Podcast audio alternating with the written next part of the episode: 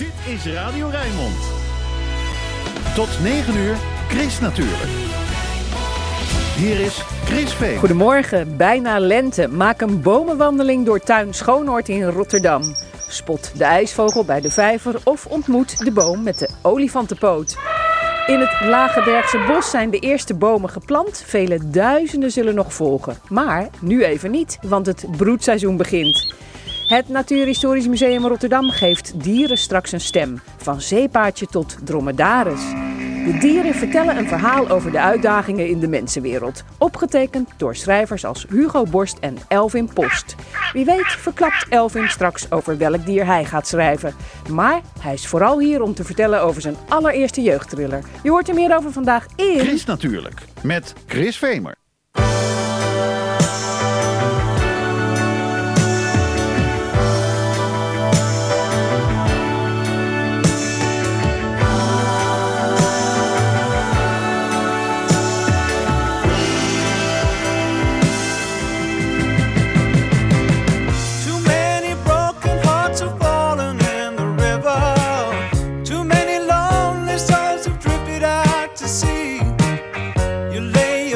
And then you pay the price. The things we do for love.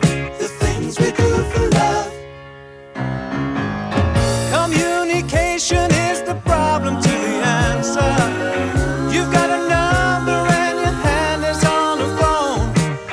The weather's turned and all the lines are down. The things we do for love. The things we do for love. Like walking in the rain and the snow nowhere to go. When you're feeling like a part of you is dying. And you're looking for the answer in her eyes. You think you're gonna break up. Then she says she wants to make up.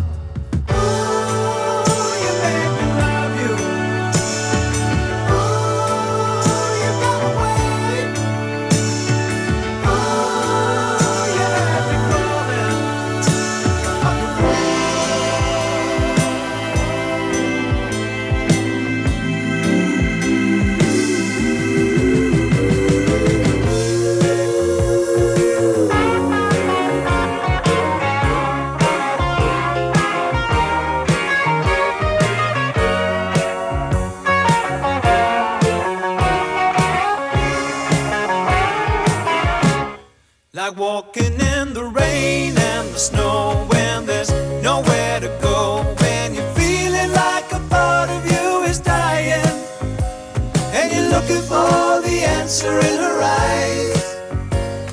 You think you're gonna break up. Then she says she wants to make up.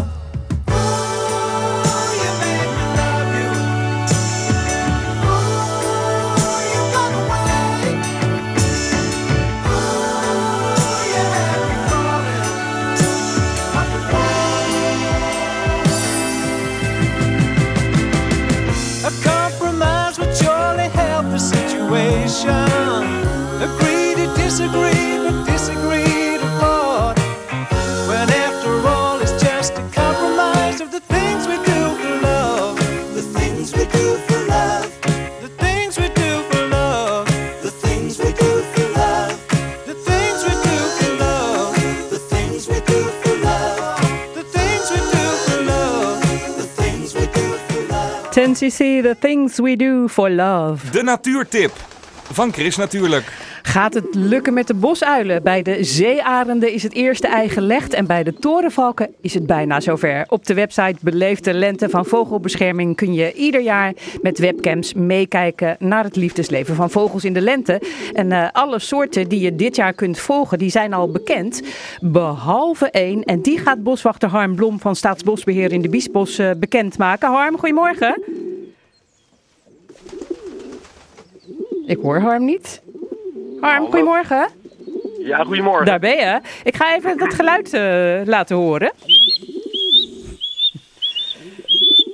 Vertel Ja, Harm, in welk nest kunnen we gaan gluren? Ja, we hebben dit jaar weer het geluk dat we vanaf vandaag weer 24-7 mee kunnen kijken in het nest van de visarend in het hart van de Brabantse Biesbos. Ja, daar eh, zijn we heel blij mee. Ja, En, eh, want officieel kan het pas geloof ik morgen. Maar als je stiekem een beetje klikt, eh, dan eh, kan je hem al zien. Alleen ja, Ja. het is helemaal leeg. Het is, het is, ja, ik zag net een eend erop. Oké, leuk. Kijk, nee, klopt inderdaad. Het nest is voor een groot deel weggewaaid, dus het was heel spannend. Ja, gaat het dit jaar lukken om samen met Vogelbescherming die camera daar te krijgen en dat alles draaide? Maar een deel, de kont van het nest is blijven zitten. Dat lijkt ook wel goed te zitten, dus we hebben er steeds meer vertrouwen in dat het wederom kan gaan lukken. Dus toen hebben we besloten, we gaan ermee door. En vanaf vandaag toch hebben we de camera live gezet. Ja, en eh, nu is het wachten. Ja, maar eh, voor wie de visarend eh, niet kent, wat is het eigenlijk voor vogel? Ja, één, een fantastisch boeiend beest. Hij overwintert in Afrika. Het is een middelgrote roofvogel. Hij zit een beetje tussen de buizerd en de zeearend in. Het is een slanke, uitsluitend visetende arend. Zeer gespecialiseerd in, een, in het vangen van vis. Hij heeft zelfs drie oogleden. Echt een soort duikbril waarmee hij met eh, grote ja, poten die vis uit het water eh, vangt. Op een, eh, eerst bidden boven het water en dan pats in het water kan hij dus een vis vangen. Ehm, hij is een beetje te vergelijken met een hele grote zeemeel qua, qua spanwijdte. Ja, en verder... ehm, Maar verder zie je heel- aan zijn kop echt wel dat het een roofvogel is, hè? Ja, dat klopt. Hij heeft wel echt een stoer uiterlijk en hij heeft een heel herkenbaar geel oog met een soort zwart Zorro-streep eroverheen. Eh, Ja. Dus ja, als je de visarend dichtbij hebt, dan is er geen twijfel mogelijk. Maar wat voor nest maakt een visarend? een groot nest. Een, eh, een visarend kan in twee, drie weken tijd een nest maken zo groot als een zwanennest, maar dan in de boom. En dat kan zomaar een meter hoog worden en een anderhalve meter breed. En dat eh, doen ze met takken, die soms ja, zo dik zijn als je duim. Soms zelfs dikker. Die breken ze af van bomen. Ja, ze kunnen heel goed stapelen. En eh, dat is wel hun manier. Ze stapelen een nest totdat het zwaar genoeg is dat het blijft zitten. Maar waarom denken jullie dan dat die visarenden ook weer net in dat nest eh, terugkomen, waar jullie nu die camera opgezet hebben? Ja, we hebben het geluk dat we met een eh, Duitse man te maken hebben. Dat weten we omdat hij een ring om heeft met een inscriptie. En die komt al zeven jaar terug naar dit plekje in de Biesbos. En het eerste nest is omgewaaid en daarna heeft hij in een andere boom een nieuw nest gebouwd. En visarenden zijn doorgaans ook heel trouw aan de partner, maar ook trouw aan het broedgebied. Dus ehm, het is eigenlijk super bijzonder. De vrouw en de man overwinteren apart in Afrika. Ze hebben echt een tijdje een soort latrelatie. En dan in het voorjaar, bijna stipt op de dag, weet het mannetje, dan moet ik terug, want er zijn kapers op de kust. Ik moet dat nest bemachtigen in dat fantastische gebied, de Biesbos. En altijd na vier, vijf, meestal vijf, zes dagen, komt het vrouwtje een beetje achteraan gereden, aangevlogen. Denkt, nou, het mannetje heeft het weer voor elkaar. En net als vorig jaar zagen we door die webcambeelden dat die ontmoeting binnen vijf minuten resulteerde in een eerste paring. Dus ja, dit dit paardje gaat elkaar goed, ja. heel goed. Ja, en, Ja. maar dat is natuurlijk wel hartstikke leuk hè, dat je dat allemaal eh, kunt zien. En wanneer, want jij zegt dus ze komen stipt op tijd. Wanneer, eh, wanneer komt hij aan, de man? Ja, dat is altijd weer onderdeel van een grote weddenschap eh, onder de vogelaars in het Biesbos. Maar wij houden rekening met een periode 25, 26 maart. Dit mannetje is al vijf keer op 26 maart in de Biesbos verschenen. Dus kun je nagaan, zonder een agenda in zijn handen. Hij weet precies wanneer hij er moet zijn. En het vrouwtje vorig jaar op 31 maart. Dus ja, vanaf eind volgende week wordt het spannend. We gaan het volgen, Harm. Waar heb jij eh, je geld op gezet? Eh, Welke dag? ik denk donderdag. En de kinderen? Ja. Eh, we gaan, gaan die winnen zo, want je, jij gaat zo weer aan de lijn staan met eh, voetbal. Wat, Ja, wat, is daar je weddenschap? Eh, ik hoop dat we deze keer winnen. Vorige week hebben we behoorlijk klop gehad en we zijn in Gouda, maar we gaan ons best doen. En ondertussen kijk ik in de lucht, want voor hetzelfde geld vliegt er een visarend voorbij. Ja, oké. Nou, veel plezier en eh, ik wens je een heel fijn weekend. Dank hoi, je wel. hoi. Dankjewel. Chris natuurlijk. Lekker groen. Eh, Rotterdam heeft er een natuurvereniging bij. Natuurlijk Rotterdam, een afdeling van de Koninklijke Nederlandse Natuurhistorische Vereniging. Voorzitter Geert van Poelgeest, ook voorzitter van Natuurlijk Delfland, die vertelt wat de vereniging allemaal van plan is. En Chris natuurlijk ontmoet Geert van Poelgeest voor een bomenwandeling door tuin Schoonoord aan de overkant van het beroemde park bij de Euromast. Wat is dat voor tuin? Zoals de naam al zegt, de historische tuin Schoonoord. Hij bestaat al heel lang. En je ziet het ook aan de bomen, die zijn ook, eh, staan exemplaren in, die zijn flink oud. Ik vind het een pareltje van Rotterdam, echt heerlijk groene oase. Een beetje verborgen pareltje ook wel? Het is een verborgen pareltje, ja. ja nee, het is, je moet het echt weten. En, ja, en het is prachtig. Ja. We gaan een bomenwandeling maken door Tuin Schoonoord. En deze bomenwandeling is eigenlijk een van de eerste activiteiten van Natuurlijk Rotterdam, die nieuwe vereniging. ja, dat klopt. We hebben excursies en daar maken we een beschrijving van. En daarna gooien we die in de publiciteit, kan iedereen lopen en dat is nu ook. Ja. En wat gaan we dan allemaal beleven in deze route? Eh, nou, vooral over bomen, hè, want het is een eh, hele belangrijke bomentuin. Met historische bomen. In de beschrijving staan allerlei verhalen erover. En dan kom je aan de linkerkant kom je een boom tegen, een beetje met een witte stam. En die heeft hele rare knoesten. Oh ja. Hele rare uitstulpingen. Is dat die? Ja, dat is mooi hè. En je ziet ook, als je er verstand van hebt, zie je gelijk dat het een berk is. hè. Die, die witte, witte bast is een berk. Ja, en die bast, dat- ja, die enorme bult is gewoon een ziekte. Hè. Niet dat hij er ja, een over, zal overlijden, dat, dat zal wel niet. Dat- Maar ja, bij sommige mensen hebben ook grote bulten. En, Ja, en wat staat, wat staat er dan bij? Wat zijn dat voor rare bulten? Oh ja, die noemen ze een warrelknoest. Houtbewerkers, die vinden dat, die, die vorm, kunnen ze overal in bewerken. Maar het is dus een bacterie. Nou, laten we maar eens doorlopen. En dan kwamen we ergens een, een prunus tegen. Ja. De prunus avium. Ja. De zoete kerst. zoete Wat kerst, ja, klinkt prachtig. Ja, mooie zoete kers. Eh, dit soort, eh, in, dit is een inheems soort. En die komt eh, vooral in het, het zuidelijk deel van Nederland voor, Limburg. Hij is een, een, warmte, warmteminder. Hij heeft iets meer warmte nodig. Nou, en wat is nou de, de, het kenmerk van de prunussen? Je ziet net als bij die berk, zie je daar die horizontale streepjes op de stam. Alleen deze zijn dikker. En die horizontale eh, streepjes, dat is een kenmerk van alle prunussen. Ja, en wat zijn die streepjes? En wat doen die streepjes? De, die streepjes, dat geven lenticellen aan. En dat zijn, ja, hoe zeg je dat? Eh, verzamelingen van grote cellen waar lucht doorheen kan gaan, ook in de winter. En dat is een kenmerk van, eh, van de prunussen. Nou, we gaan niet alle bomen doen, want... Nee, eh, nee, dan, mensen eh, moeten ook nog wat eh, aan de wandeling hebben. Maar het is ook leuk natuurlijk, dit, dit bord waar de geschiedenis op staat. geschiedenis, En eh, als je geluk hebt, nou, dan zie je misschien wel een ijsvogel hier. Ja, ja dit, nou, die, die, die rustige plekken met water en af en toe zo'n overhangende tak of boom. Dat is ideaal voor de ijsvogel. Die zit erop en dan plop, en dan duikt hij zo naar de vissen. Dus eh, die wordt hier wel gezien. En eh, daar is eh, van alles eh, opgestapeld, stukjes hout en zo. Volgens mij kan een natuurliefhebber dat wel waarderen. Jazeker. Denk aan allerlei dieren, die hebben ook een schuilplek nodig. Hè, waar ze kunnen slapen, overwinteren, hun, hun jongen grootbrengen. Nou, en dat zijn dit soort plekken waar dus flinke boomstammen, ja, brokken hout, ook een pad kan erin zitten. En heerlijk, ja. Ja, want de paddentrek doet me ineens ook eh, denken aan wat jullie vereniging heel veel doet. Diertjes overzetten. Ja, de afdeling ten noorden, of ten noorden van Rotterdam, natuurlijk Delftland, die zet padden over. Of die organiseert het. En dan heel veel mensen op 19 locaties. Nu ook dit jaar in Schiedam is er ook bij, in Vlaardingen en Maasluis. En dan nog erboven. En eh er doen tussen 300 en 400 mensen mee. Gigantisch. eh, Het is echt een hele campagne. Ja, en hoe gaat het eigenlijk met de pad? Kun je dat zeggen? Zo'n algemene vraag stellen? Ja, die kan je wel stellen. En die hebben we ook bekeken met de cijfers. En je ziet een langzame daling. En op zelf, sommige plekken een dramatische daling. We zijn zelf dit jaar al gestopt op twee plekken. Waar eh, nou, te weinig padden zijn om overgezet te worden. Want je weet wel, als je wil meedoen met overzet, wil je wel wat overzetten. En als je in die ja, zes weken dat je actief bent, dan, ja, dan wil je natuurlijk wel wat overzetten. En als je er niks vindt, ja, dus, dan stop je ermee. Zo werkt dat, ja, heel logisch. Dus als er te weinig padden, ja, dan, dan is die locatie, eh, doen we dan niet meer. En eh, waarom zou je eigenlijk meedoen met het overzetten van padden? Nou, je, ieder pad die je overzet heb je gered, dus dat is een heel goed gevoel. Het is Hij heerlijk. gaat dus naar de overkant. eh. Ja, hij gaat naar de overkant. Hij gaat van zijn overwinteringsplek naar zijn voortplantingsplek. En dat is een sloot of een vijver.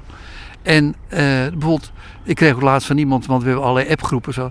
Ik heb niks gezet, maar ik heb heerlijk genoten van, het, eh, van de avond. Dus daar is het ook al leuk voor. Hier in dit park kun je ook heerlijk genieten van de prachtige bomen. Daar staat een hele mooie waar we naar onderweg zijn. Een prachtige, grote. Een hele dikke, hè? Nou, Ja. ja. die heeft een hele eh, gladde stam. Dat is natuurlijk heel raar dat je een, een kale, gladde stam hebt. Je ziet ook wel groen erop, hè? Dat is een beetje groene waas. Dat is alg. Het lijkt wel een, een olifantenpoot. Ja, ja, ja, ja, ja, ja, ja, ja. Ja, je moet ook uitkijken. Hij, Eén keer in de tien jaar gaat hij wandelen. Dat heb ik me laten vertellen. Ik heb het nooit gezien. Maar dus dan eh, gaat hij even wandelen. Maar, Maar het is dus een beuk. het is een beuk. Een Vagus sylvatica. Ja, ja, de Sylvatica betekent bosbewonend. En eh, dit is echt een bosboom. En wat hier nou ja, heel karakteristiek aan is, wat je zegt, die, die olifantspoot, van die grote knoesten die er onderaan uitgegroeid zijn. En dan is de neiging natuurlijk om op die knoesten te gaan lopen. Ja. Moet je niet doen. Want als je daarop staat, dan druk je die boom in, die, die cellen druk je in. En daar herstelt hij op een gegeven moment, in het begin natuurlijk nog wel, maar later herstelt hij zich niet, niet meer. Dus daar moet je heel voorzichtig mee zijn. We moeten wel echt heel ver omhoog kijken om het eind te zien. En, eh, maar is deze boom, deze beukensoort ook wel goed voor dieren? Kunnen er dieren in wonen? Nou, dat, oh, toch leuk dat je zegt, de, ik noem de beuk de koningin van het bos. En de, de eik de koning van het bos. En de koning heeft een rijk. Ja, de koningin ook wel, maar het is toch veel minder. De, de beuk heeft grote hoornstalen eh, takken met bladeren die ook hoornstaal zijn. En er komt nauwelijks licht doorheen. Dus als je in een beukenbos loopt, er groeit amper eh, wat eronder. Ja, de, de, de eik, die heeft hele gedraaide takken. Daar kan licht volop vallen, daar groeit heel veel. Ook het aantal dieren op een beuk is aanzienlijk minder dan op een eik. De eik en de wilg zijn de twee soorten die de meeste dieren kunnen herbergen. En deze is er eh, misschien alleen een beetje voor het mooie dan. Ja, eh, er is natuurlijk wel wat hoor, maar in, in, ten opzichte van eik veel minder. Maar het is een prachtige boom natuurlijk, uiteraard. En dan moeten we volgens het boekje nog eventjes over een bospaadje met allemaal schors lopen. En dan komen we bij de moeras cypress. Ja. Ook zo'n mooie naam. Ja, mooi hè? Ja, ja. Dat woord cypress, hè, dat, dat geeft heel iets zuidelijks aan. En eh, ja, en dan zie je ook, kijk, zie je ook een, een kolossale boom. Oh, dit is een, eh, wacht even. Dan moeten we daar zijn. Ja, want dit is een, die lijkt erop, de Metasequoia, de watercypress. En dan heb je dus de watercypress en de moerascypress. Die staat dus nog wateriger. Deze staat op een soort, een soort eilandje, een soort schiereilandje. En wat opvalt en karakteristiek is voor de boom, zie je op de grond. Die zie je allemaal van die rare knobbels die boven de grond uitsteken. Nou, het water is behoorlijk hoog. En toch kan deze boom hier staan en hier leven. En een van de dingen in het leven is nodig, is natuurlijk water. Nou, dat is volop. Maar dat is ook lucht. Nou, dat is natuurlijk onder water voor een boom. Dan kan hij geen ademhalen, dat lukt gewoon niet. En wat hebben ze dan? Ze hebben die grote knobbels. Die steken boven de grond uit en daar haalt hij het lucht mee naar binnen. En, en zo zijn we een beetje aan het einde gekomen van de bomenwandeling. Ja, we hebben er maar een paar uitgekozen. En dan, en dan staat er aan het eind de vraag: wat is en doet natuurlijk Rotterdam? Ja, ja. Wat is het nou? We zijn een natuurvereniging en hebben drie doelen. Dat is eh, natuuronderzoek, onze passie delen voor de natuur en natuurbescherming. En waar we nu heel hard mee bezig zijn, is de natuurwaardekaart. Wij willen een natuurwaardekaart van heel Rotterdam hebben.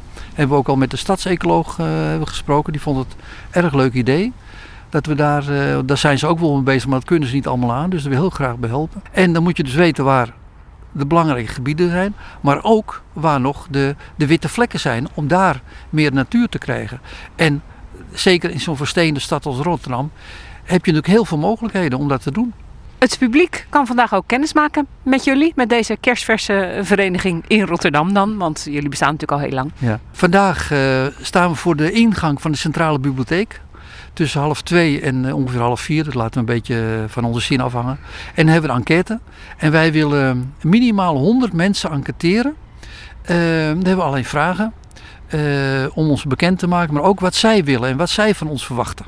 Dus in gesprek raken met, eh, met bewoners. Nou, en wie zin heeft in de bomenwandeling in Park Schoonoord, die staat op de site van de KNNV Rotterdam. En op chrisnatuurlijk.nl vind je een linkje. Introduced me to your family.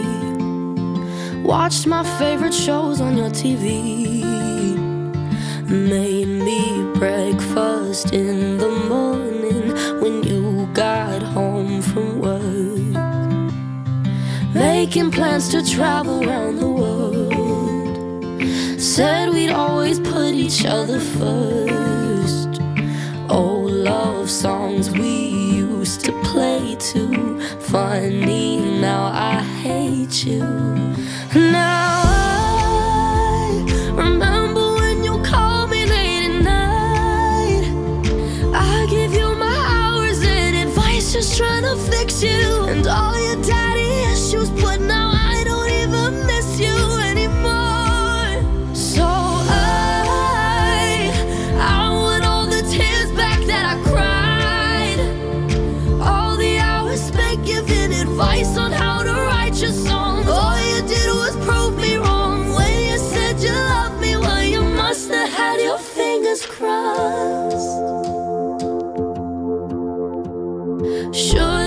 paid attention to my friends, telling me how bad it's gonna end.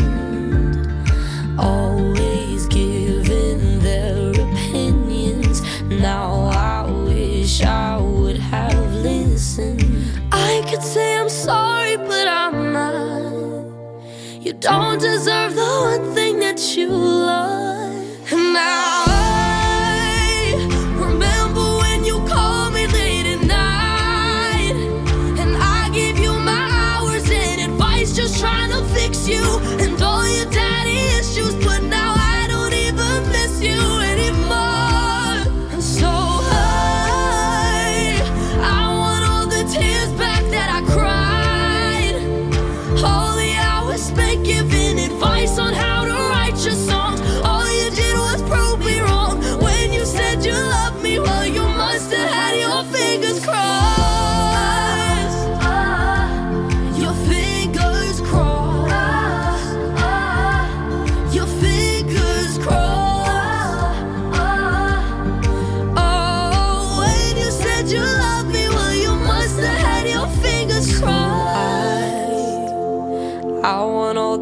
the tears back that I cried.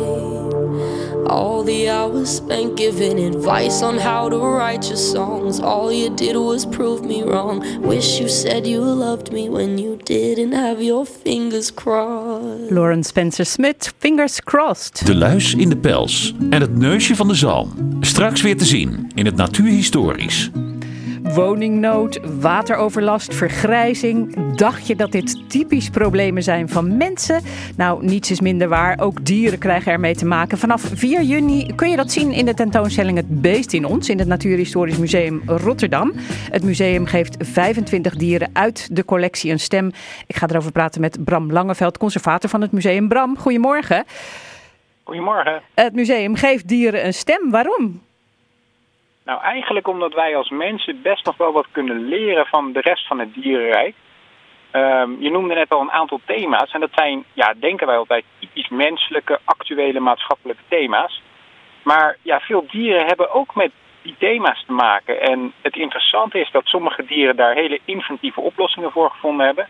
En in andere gevallen is het juist zelfs helemaal geen issue. Hè. En het feit dat dat voor dieren helemaal geen issue is, kan ook voor ons misschien een eye-opener zijn. Dat wij ja, er ook anders over na zouden moeten denken. Dus om die reden hebben wij eh, ja, 25 dieren uit onze collectie een, een stem gegeven. Die dan vertellen over die thema's. Ja, en woningnood was een van de grote thema's in de gemeenteraadsverkiezingen. Hè? Maar dieren kunnen dus ook woningnood hebben. En hoe lossen zij dat dan op? Nou, een mooi voorbeeld wat we daarbij gevonden hebben is een stukje onderzoek uit Italië. Waarbij dassen, boommarters, vossen en eh, stekelvarkens samen eigenlijk een hol delen. Dus dat zijn vier behoorlijk diverse soorten. Die eh, samen een hol waar ze dan in, in leven delen. En dat delen ze met elkaar in de ruimte en in de tijd. Dus ze hebben een eigen hoekje. Maar ook eh, als de boommarter overdag op stap is, dan slaapt de das in dat hol. En omgekeerd, als de das s'nachts zijn, eh, zijn kostje bij elkaar gaat scharrelen, dan slaapt die boommarter in het hol. Dus dat is eigenlijk een hele ja, pragmatische en inventieve oplossing voor uh, woningnood onder nou ja, die dieren. Ja, en wat voor dieren zijn er dan nog meer te zien in de tentoonstelling straks? Een paar voorbeelden? Dat loopt, ja, dat loopt eigenlijk uiteen van bijvoorbeeld de bever over wateroverlast tot um, uh, de inktvis over voltooid leven. We hebben een luiaard over mindfulness, een dromedaris over watertekort. bijvoorbeeld ook het twee stiplig lieve heersbeestje over racisme. Uh, de zuidelijke boomspringhaan over migratie, een duif over uh, integratie. Dus heel divers. Ja, en uh, deze tentoonstelling is onderdeel van een project. Hè? Jullie hebben bijvoorbeeld schrijvers gevraagd om een dierenverhaal op te tekenen. en hoe ging dat eigenlijk in de praktijk? Welke schrijver koos welk dier en welk probleem? Was daar ruzie om? nou, we hebben ze natuurlijk een beetje wel gestuurd. We hebben inderdaad 25 schrijvers gevraagd om dus 25 verhalen te schrijven, elk één. Um, en daarbij hebben wij elke schrijver uh, gekoppeld aan drie of vier mogelijkheden. En daar mochten ze dan uit kiezen. Dus we hebben ze natuurlijk een beetje gestuurd. Um, en die, uh, die schrijvers die hebben dus eigenlijk een hele belangrijke bijdrage geleverd. Die hebben namelijk vanuit het thema, wat gekoppeld was aan het dier, met een stukje input van ons. Hè, net vertelde bijvoorbeeld over dat stuk onderzoek uit Italië. Nee, dat hebben we dan meegegeven. ehm, hebben zij geschreven echt vanuit dat dier over dat thema. En ja, dat, dat heeft best wel eh, bijzondere verhalen opgeleverd. We hebben bijvoorbeeld Ernest van der Kwast, die schrijft over vrije seks vanuit ehm, eh, de struisvogel. Eh, we hebben bijvoorbeeld Tommy Wietinga, die schrijft over, ehm, moet ik het goed zeggen, over rouwverwerking bij de Aziatische olifant. We hebben bijvoorbeeld ook Mohammed Benzokour, die schrijft over weer een ander thema. Ehm, en zo hebben we 25 verschillende schrijvers, waaronder ook burgemeester Abu Taleb. En die schrijft over racisme vanuit het, Asia of vanuit het heersbeestje. Nou, het klinkt allemaal heel leuk en veelbelovend. Eh, jullie gaan nu op pad met een mobiele opnamestudio. Vandaag voor het eerst, want jullie hebben dus ook Rotterdammers nodig om deze dieren een stem te geven. Dat is helemaal correct, want het belangrijkste onderdeel van die tentoonstelling, daar gaan we nu eigenlijk mee beginnen. Vandaag is de aftrap. Uh, we hebben dus inderdaad dieren, we hebben verhalen, maar we hebben nog geen stemmen. Die dieren die moeten straks in de tentoonstelling echt dat verhaal uitspreken. Het wordt ook in die zin ook een, ja, een audio tentoonstelling. Mensen kunnen komen luisteren. En die verhalen die gaan worden ingesproken door uh, Rotterdammers, gewoon uh, iedereen eigenlijk. Ja, hoe klinkt een zeepaardje? Als Rotterdam. Ja, dat, dat, gaan we, dat gaan we merken. Het is ook voor ons natuurlijk spannend, maar uh, we hebben wel wat ideeën bij wat voor soort stemmen we zoeken bij welk thema. Maar we laten ons ook graag verrassen door, door ja, wellicht verborgen talenten van Rotterdammers uh, die we dus tegenkomen op straat met die opnamestudio. Um, ja, en waar zijn jullie dan bijvoorbeeld vandaag te vinden? Vandaag zijn we te vinden op Rotterdam-Alexander op het Polsterplein uh, vanaf vanmiddag 1 uur. En die, die uh, mobiele opnamestudio is mooi herkenbaar. Dat is een grote, een grote bus met allerlei felle kleuren erop. Met uh, de thema's staan erop. Onze beestjes zijn in relief uitgeknipt. Dus dat is eigenlijk niet te missen. Um, en alle informatie staat natuurlijk ook op de website beestinons.nl. Ja, um, en daar, daar vind je dus ook die tourdata, het beestinons.nl dus. Uh, Bram, Precies. dankjewel voor je verhaal. En we gaan uh, heel veel nog horen van het Beest in Ons. Fijn weekend. Dankjewel. Hoi. Dag. Chris Natuurlijk. De weekendbijlage. Wat staat er in de weekendkrant over groen, natuur en milieu? Je hoort het in het overzicht dat ik lees met Martin van der Boogaard. Martin, jij gaat beginnen. Ja, als er één uh, ding is dat deze oorlog, dus de oorlog in Oekraïne, van alle andere onderscheidt, dan uh, zijn het misschien wel de dieren. Poezen in tassen, chihuahuas in jassen en een uh, jochie met een cavia tussen de veldbedden in een opvangkamp. Ja, de beelden van Oekraïners op de vlucht met hun huisdieren treffen recht in het hart, schrijft het AD. Trouw schrijft dat er een bibliotheek in de maak is met geluiden van dieren in de zee. Want walvissen en ook orka's die uh, kletsen met elkaar, zeekoeien die piepen, garnalen maken knisperende geluiden bij het eten. En het in kaart brengen van onderwatergeluiden kan zorgen voor een betere bescherming van deze dieren. Oké, okay, nou ja, bijzonder. Volgens mij doet een walvis zoiets als... Uh... Ja, ja hè? denk toch heel goed na. Hè? Heel goed. En uh, ja, de, de, deze uh, maken dan weer geen... Uh, ja, behalve wanneer je erop staat. Dan maken Ach. ze wel weer geluid. Het is vandaag voor het eerst schelpenteldag in Nederland. Strandbezoekers, natuurliefhebbers en wetenschappers... die werken samen om de schelpenstand in kaart te brengen. Het gaat om een proef op zeven stranden in Zuid-Holland... waaronder Ouddorp en Hoek van Holland. Onkruid vergaat niet Nee, onkruid bestaat niet. Vooral in de stad wordt dit groeisel omarmd, schrijft de Volkskrant in de weekendbijlage. En dan uh, gaan we naar de, de moeflons. Dat zijn een soort schapen op de Hoge Veluwe. Die hebben het uh, zwaar sinds de wolf een plek heeft gevonden in het natuurgebied. Daar schrijft de Telegraaf over. Ja, het is een beetje zielig, maar ja, het is wel natuur. Hè? De pasgeboren lammetjes van deze bijzondere schapensoort... die zijn voor de wolf een soort eenhaps crackers. Dus ik zal maar Ah. zeggen, hap, slik, weg. En daar gaat hij weer, hapslik weg. Martin van der Boogaard met het groene nieuws uit de weekendkranten. Dankjewel. En dan gaan we door met het weerbericht. Dat komt van Ed Aldus. Ed, goedemorgen. Dag Chris, hele goedemorgen. Nou, de maan scheen vanochtend uitbundig over de stad, maar het is nu tijd voor de zon. Wat gaat hij doen vandaag? Nou, onafgebroken schijnen Chris, dus het ziet er hartstikke goed uit. We hebben te maken met een heel krachtig hoge drukgebied. En die zorgt vandaag voor stralend weer in onze regio. Er is geen wolkje aan de lucht. Ja, dat betekent dat die zon bijna 12 uur kan schijnen vandaag. Dus dat ziet er goed uit. En dat, is, dat heeft toch ook te maken met, de, met eh, dat dan de lente begint morgen? Dat dat ongeveer gelijk is dag en nacht? Hoe zit het Ja, precies? klopt. eh? nou ja, ik weet het ja, ook niet dat meer. klopt. eh, dag en nacht die duren in de lente ja, over de hele aarde even lang, inderdaad. Dus eh, ja, vandaar dat we nu dan ook eh, ja, zon kunnen krijgen van zo'n 12 uur per dag. De lente begint overigens morgenmiddag om 16 uur 33. Maar er komt dan wel een deukje in het weerbeeld. Maar vandaag nog niet dus. Vandaag is het zonnig. Het wordt vanmiddag 13 graden. Op dit moment is het een graad of 7. En door de ja, matige aan zee vanmiddag vrij krachtige wind uit het oosten tot noordoosten voelt het een beetje schraal aan vanmiddag. Nou, vanavond en vannacht is het nog wel helder. Tegen de ochtend wellicht al een paar wolkenvelden. En de temperatuur die daalt dan landinwaarts naar 1, 2 graden. Misschien op een beschutte plek vorst aan de grond. Maar de kans is ja, toch wel klein omdat de wind nogal doorstaat.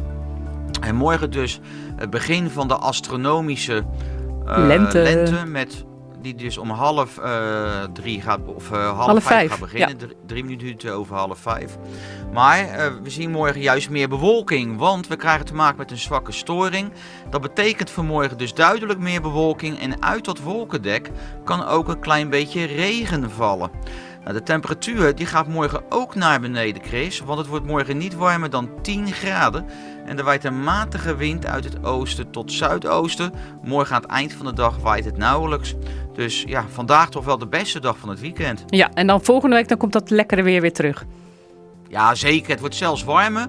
Het wordt eh, ronduit zonnig weer. Maandag nog een paar wolkenvelden, maar dinsdag, woensdag en donderdag schijnt de zon volop.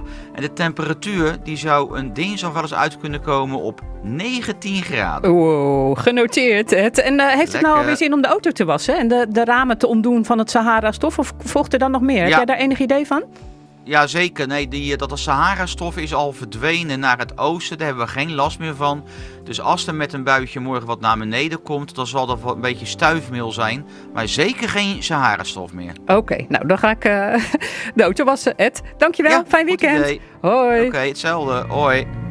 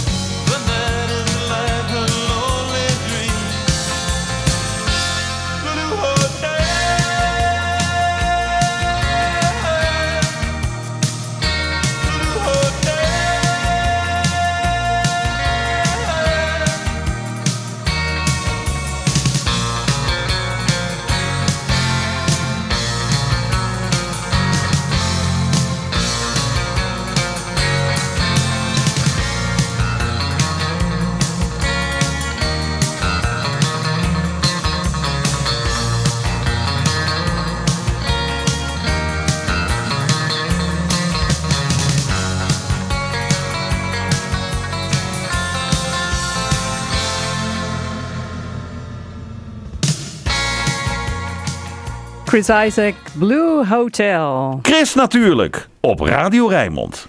In het Lagebergse bos tussen Lansingerland en Rotterdam-Hillegersberg zijn de eerste bomen geplant. Vele duizenden zullen nog volgen. Het is een nieuwe fase in de makeover van het recreatiegebied waar de Rijksweg A16 in aanbouw dwars doorheen loopt. Chris natuurlijk wandelt met de boswachters Dick van Stegeren en Jonathan van Leeuwen en projectleider John van der Haas van Staatsbosbeheer door het park. We, we lopen even een rondje om het, eh, eh, om het Lagerbergse bos. Dan lopen we over het tracé van de A16. En dan zie je waar we de 27 bomen hebben geplant. Vervolgens lopen we nog een stukje verder en zie je waar we 3000 bomen geplant hebben. Bomen. Nou, de, de bosplantsoen. maar dat ja. worden uiteindelijk bomen en struiken. Ja, er was heel veel verdriet hier hè, een eh, tijd geleden. Dat, dat al die bomen weg moesten voor de A16, maar ook nog voor die essenziekte.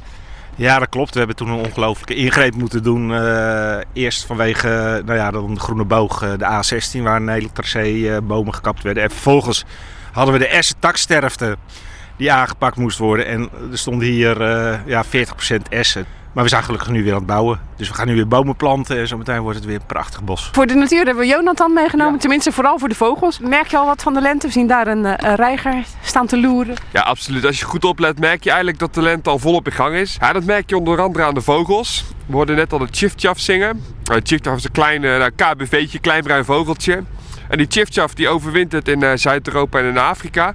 Ja, die arriveert altijd als een van de eerste broedvogels weer terug in het gebied. Je hem? Is een chifchafje. Maar goed, het zijn niet alleen de vogels. We zien ook her en der al, al verschillende voorjaarsbloemen opkomen. Denk bijvoorbeeld aan het speenkruid, het klein hoefblad, de paarse dovennetel. Allemaal van die voorjaarsplanten die eigenlijk al heel vroeg beginnen. En dat is maar goed ook, omdat die temperatuur langzaamaan omhoog gaat. Worden ook de overwinterende vlinders, bijvoorbeeld de dagbouwoog, de kleine vos, de citroenvlinder, die worden ook wakker. Maar die vlinders die hebben natuurlijk wel nectar nodig uh, ja, om uh, te kunnen overleven. En dat is eigenlijk uh, ook, ja, er zijn natuurlijk veel meer dieren. Denk bijvoorbeeld aan een egel. Een egel is ook zo'n beest dat zit in winterslaap. Maar als die temperatuur in het voorjaar al redelijk vroeg warm beginnen te worden. En dan zie je die egels op een ook een beetje met zo'n slaperig kopje zo rond scharrelen door het gras. Maar je merkt nu, uh, nu die insecten wakker worden, hebben die egels gelukkig ook weer voldoende voedsel. Want voor andere jaren was dat uh, best wel een probleem. Dat je in het, uh, het was meestal in februari een hele warme periode. En daarna werd het ineens nog heel koud. Dus dieren als vleermuizen, als egels, die werden wakker. Nou, die hadden aan het begin nog even een beetje voedsel, maar toen werd het heel koud. En toen vielen die insecten weg. En toen kwamen die dieren echt in problemen.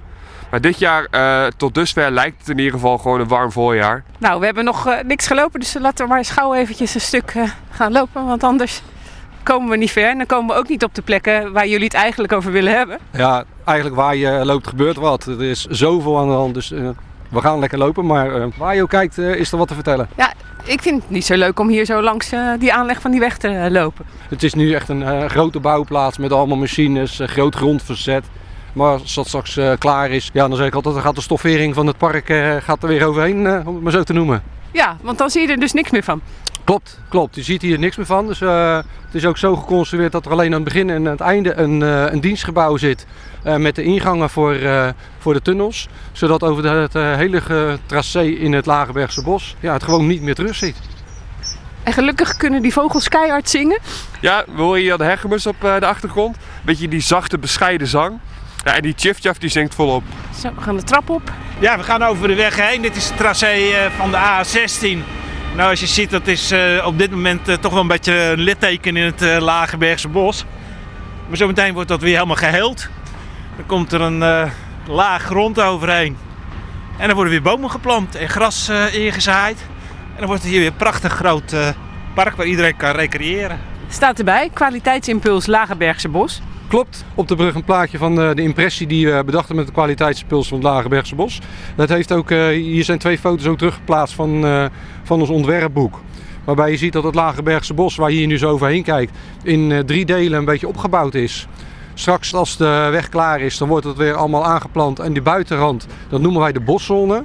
En de boszone, dat is eigenlijk gewoon een van de grote belevingen die er is van de mensen van het bos zo dichtbij zo'n grote stad als Rotterdam dat we daar echt op ingezet hebben om meer bos te maken. Ja, want als je het zo op het plaatje ziet, ziet het er prachtig uit. Hè? Je ziet zo, zo een bospaadje dat omhoog loopt. Je ziet een, een leuk klopt, beetje, wat- een wat- watertje. Ja, en, maar die, de- die je daar ziet, dat is het, echt het hart die in, binnen in de plas ligt. En dat noemen wij het eilandenrijk. En daar gaan we echt met vernatting werken, zodat je daar echt een moerasbos krijgt. Dus een hele andere natuurtype. En daartussendoor langs de plas en eh, de steek, doorsteken waar je het park in komt. Daar, dat, eh, dat noemen wij de parkzone. Aan de plasrand zie je daar ook zo'n waterspeeltuin voor kinderen die daar eh, gecreëerd is. Barbecuevelden. Je hoort hier heel mooi de winterkoning zingen. Ik vind de winterkoning altijd een van de, de leukste broedvogels die we hebben. Het is de kleinste broedvogel van het uh, bos. Maar ik ken geen enkele broedvogel die zo passievol zingt als een winterkoning. De meeste vogels die zingen echt met de snavel, maar bij een winterkoning doet heel dat live mee. Die vleugeltjes die wapperen, die staart die gaat op en neer. Ja, die winterkoning die zingt echt met heel zijn lijf. Nou, hier zien we ook nog wat gevolgen van de storm. Ja, helaas hebben we nog even een storm uh, eroverheen gekregen. Dus je ziet dat er een paar flinke bomen nog omgewaaid zijn.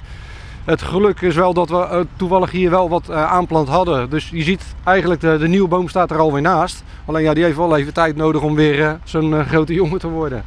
Hoe is het eigenlijk om dit te maken terwijl er ook een weg gemaakt wordt? Hè? Hoe, hoe doe je dat? Uh, dat is een behoorlijke puzzel. Je ziet dat je door die weg sowieso opgedeeld wordt in, uh, in verschillende delen. En straks, uh, als die tunnel erin zit, wordt de grond aangevuld. En gaat daar de inrichting ook plaatsvinden van het tracédeel. En dan moet je zorgen dat alles ook al op elkaar aansluit. Dus je kan delen van je werk al doen. De delen kan je nog niet doen. En dan heb je natuurlijk ook nog de seizoenen die daar mee te maken hebben. Want je, kan, ja, je gaat niet het hele jaar door planten. Je kan niet het hele jaar blijven zagen voor, voor de flora en fauna. Dat je de beesten ook de rust en de tijd geeft.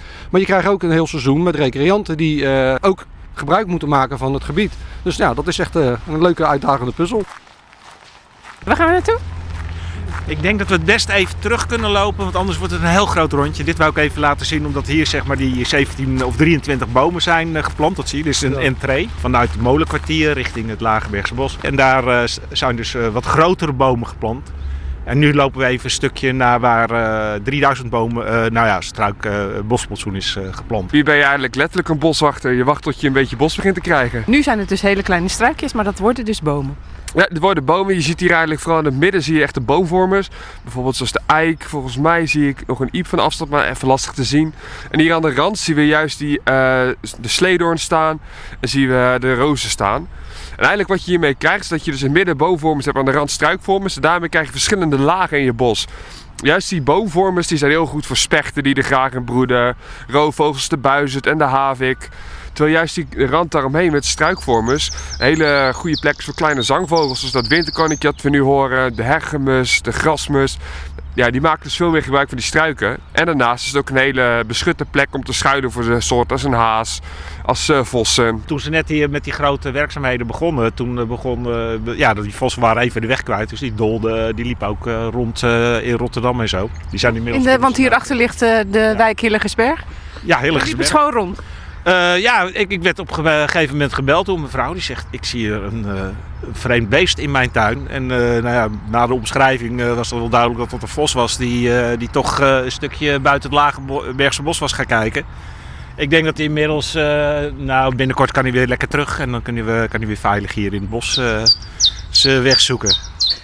En volgende week dan gaan we verder wandelen door het Lagebergse bos. We hebben dan een ontmoeting met Schotse hooglanders en de reigers die een nieuwe kolonie hebben gesticht in het park tussen Lansingerland en Hillegersberg in Rotterdam. En over Hillegersberg gesproken, straks praten we met de meest beroemde thrillerschrijver van Hillegersberg. Return to sender. Return to sender. I gave a letter to the postman. He put it in his sack. Bright and early next morning, he brought my letter back. She wrote upon it, Return to sender. Address unknown. No such number. No such zone.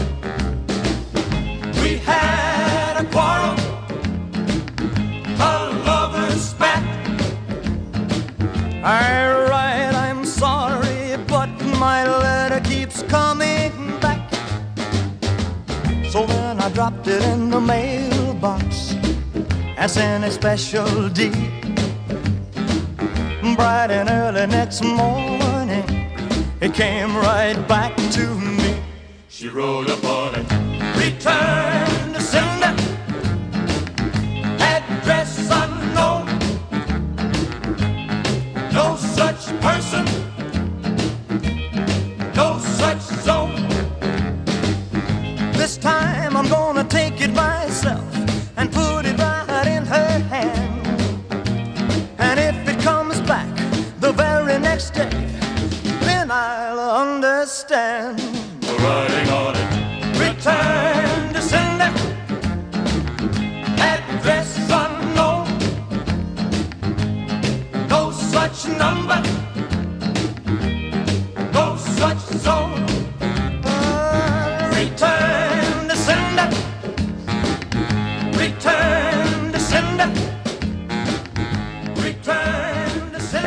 Presley, Return to Sender. Chris natuurlijk. Lekker lezen. Vier vriendinnen vinden een tas met geld, veel geld, en daarnaast liggen twee mannen in een plas met bloed. Wat doen ze? Daar draait het om in Geen Weg Terug, de eerste jeugdthriller van Elvin Post. Hij is hier om erover te vertellen. Elvin, goedemorgen. Eh, Je eerste jeugdthriller, hoe was dat om te maken? Dat was spannend. Ik had het heel lang geleden aan mijn dochters beloofd dat ik ooit een jeugdthriller, of in ieder geval, moet ik zeggen, een kinderboek zou schrijven voor ze. Mijn oudste dochter die was toen heel jong, dus dat moest eerst, dacht ik, aan plaatjes en eh, diertjes en zo. werd ze steeds ouder en op een gegeven moment eh, werd ze bijna 19. eh, was ik eigenlijk al te laat. En toen, eh, toen herinnerde ik me ineens dat ik vroeger ooit op de bergweg naar huis fietste bij het oude correct eh, pand, wat nu plat is. Ja. En daar een politiebusje dubbel geparkeerd zag staan. Ik had geen licht en ik dacht van, oh jee, ik krijg een bekeuring. Toen fietste ik er langs en toen lag er achter, de, eh, achter die politiewagen lag een, eh, een man in een hele grote plas bloed eh, om zijn hoofd heen. En, en ik weet dat ik toen alleen maar films gezien had met heel veel bloed. En ik dacht van jeetje, dat bloed dat ziet er eigenlijk niet echt uit. En ik was natuurlijk sch- geschokt. En, en mijn volgende gedachte was ook, nou ik krijg geen bekeuring. Want die politiemensen die keken niet eens naar me. En die waren gewoon met wat anders bezig. En dat heb ik uiteindelijk als, als aanleiding gebruikt voor het, eh, voor het verhaal. Eh, ook zo'n zo'n eh, ja, een, een, grote Mercedes dan op de weg laten staan met geopende portieren. Veel geld in de auto, mannen in een plas bloed. Ehm, en dan vier tienermeiden in plaats van het jongetje wat ik toen was. Ja, ja want dat heeft dus inderdaad indruk op je gemaakt. En dat kan ik me ook voorstellen dat dat gebeurt bij, bij die vier vriendinnen. Hè. Die komen dus na een schoolfeest, eh, komen ze dat tegen. En dan vinden ze een, een, een tas met geld. En ja, wat, wat doen ze dan? Hè? En dan, ze nemen het dus mee. Ja, ja, ze zijn Dat niet helemaal eens. Dus één wat wilde vriendin, een wilde vriendin van de hoofdpersoon, die wil het meteen meenemen. En eh, nou, de andere wat bravere, die, eh, die zegt, nee, nee, we moeten 112 bellen. En, eh, maar goed, er komt een auto aan en die wilde vriendin die stopt het in de fietskrat. En eh, vervolgens ja, kunnen die anderen eigenlijk niks anders dan, dan vluchten. Want die weten ook niet of die, die auto die er aankomt misschien wel bij de criminelen, want dat zijn er natuurlijk, eh, hoort. En op dat moment gaan ineens de ogen van een van die mannen gaan, gaan, gaan open. En zij er flitst, een- er knippert een lantaarnpaal aan en uit. Dus zij denkt van, is dat nou... ja, is het nou, heb ik nou verkeerd gezien of niet? En, en dan is het de vraag of die man nog leeft. En dat is natuurlijk zo, want dat is niet spannend. Ehm, maar goed, ja, inderdaad. Dus zij zitten met dat geld van wat gaan ze ermee doen? En, en komen die mannen dus op het spoor? Dat is dan een beetje de, de vraag in het boek. Ja, maar eh, over spannend gesproken, moet je dan een beetje rekening houden met de doelgroep? Ja, nou ja, ehm, ik, ik had een aantal jeugdthrillers eh, eh, van dezelfde uitgeverij De Fontein al gelezen van mijn dochter. En eh, dus ik had wel enig idee van wat, wat wel en niet kan in een jeugdthriller. Ehm, maar eigenlijk was het idee wat ik had... Ik ben nergens in de problemen gekomen dat ik dacht... nou, dit zou ik wel kunnen doen in, mijn thrillers voor volwassenen... die ik geschreven heb al. eh, en, en nu absoluut niet. En eh, ik heb het opgestuurd naar meerdere uitgevers. En, en, eh, En deze vond je het leukste? Want, dit is echt ook, eh, het ziet er ook heel leuk uit, hè, dit boek. Oh, Er zit dan een, eh, een bandje om. eh, dat ziet eruit als een politielint wat altijd wordt eh, gespannen op de plek van een misdrijf. Hè. En dan zo weet je dus dat het een, eh, eh, een boek is uit die serie Politie niet betreden. En dat is, schijnt een serie te zijn die vooral door meisjes wordt gelezen. Waarom is dat eigenlijk? Ehm, eh, dat, dat, dat weet ik niet, maar eh, ik, eh, ja, het is wel zo dat ik eh, eh, gezien heb, of de meeste, de, de, boeken, de meeste boeken die ik gelezen heb uit de serie, inderdaad met meiden in de, hoofdperso- in de hoofdrol.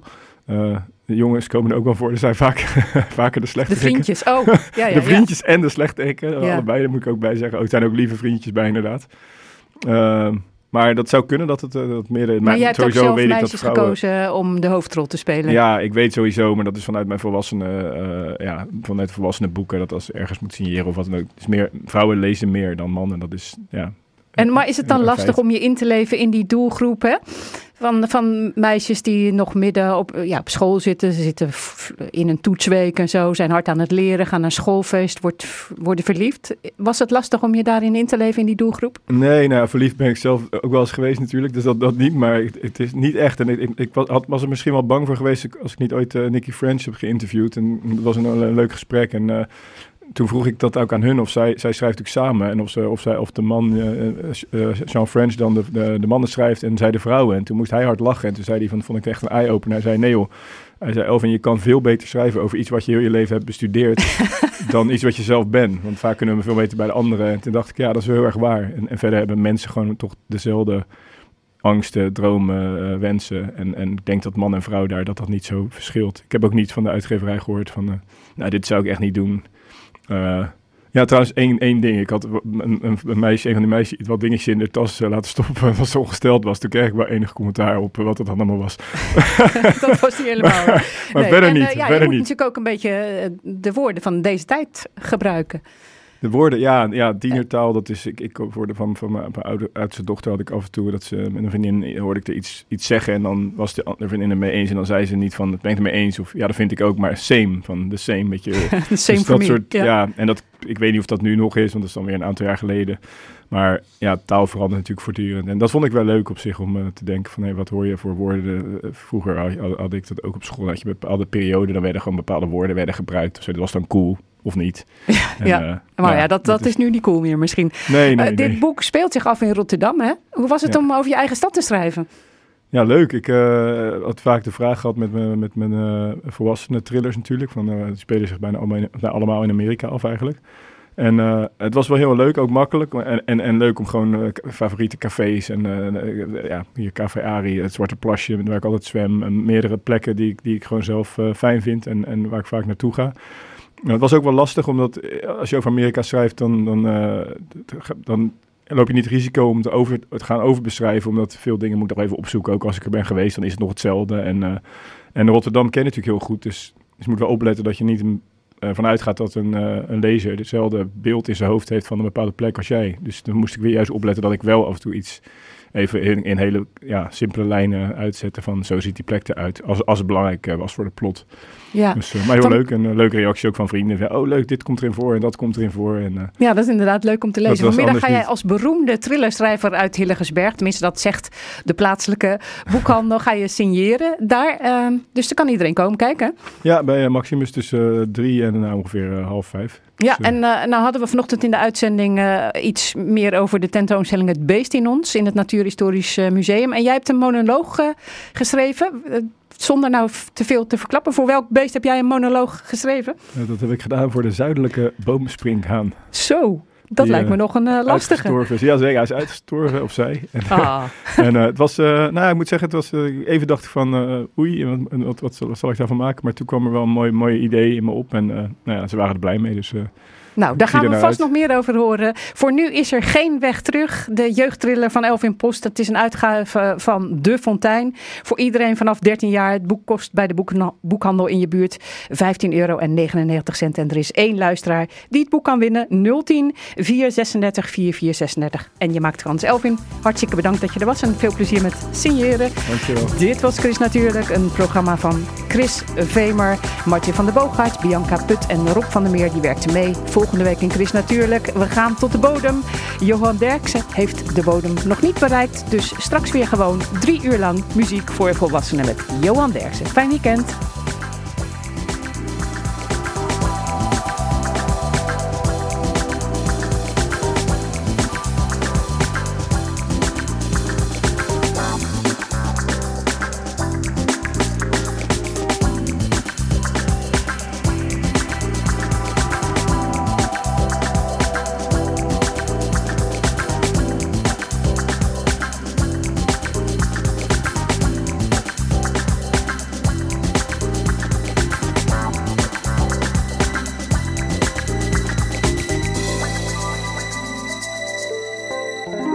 Chris natuurlijk. Kijk ook op chrisnatuurlijk.nl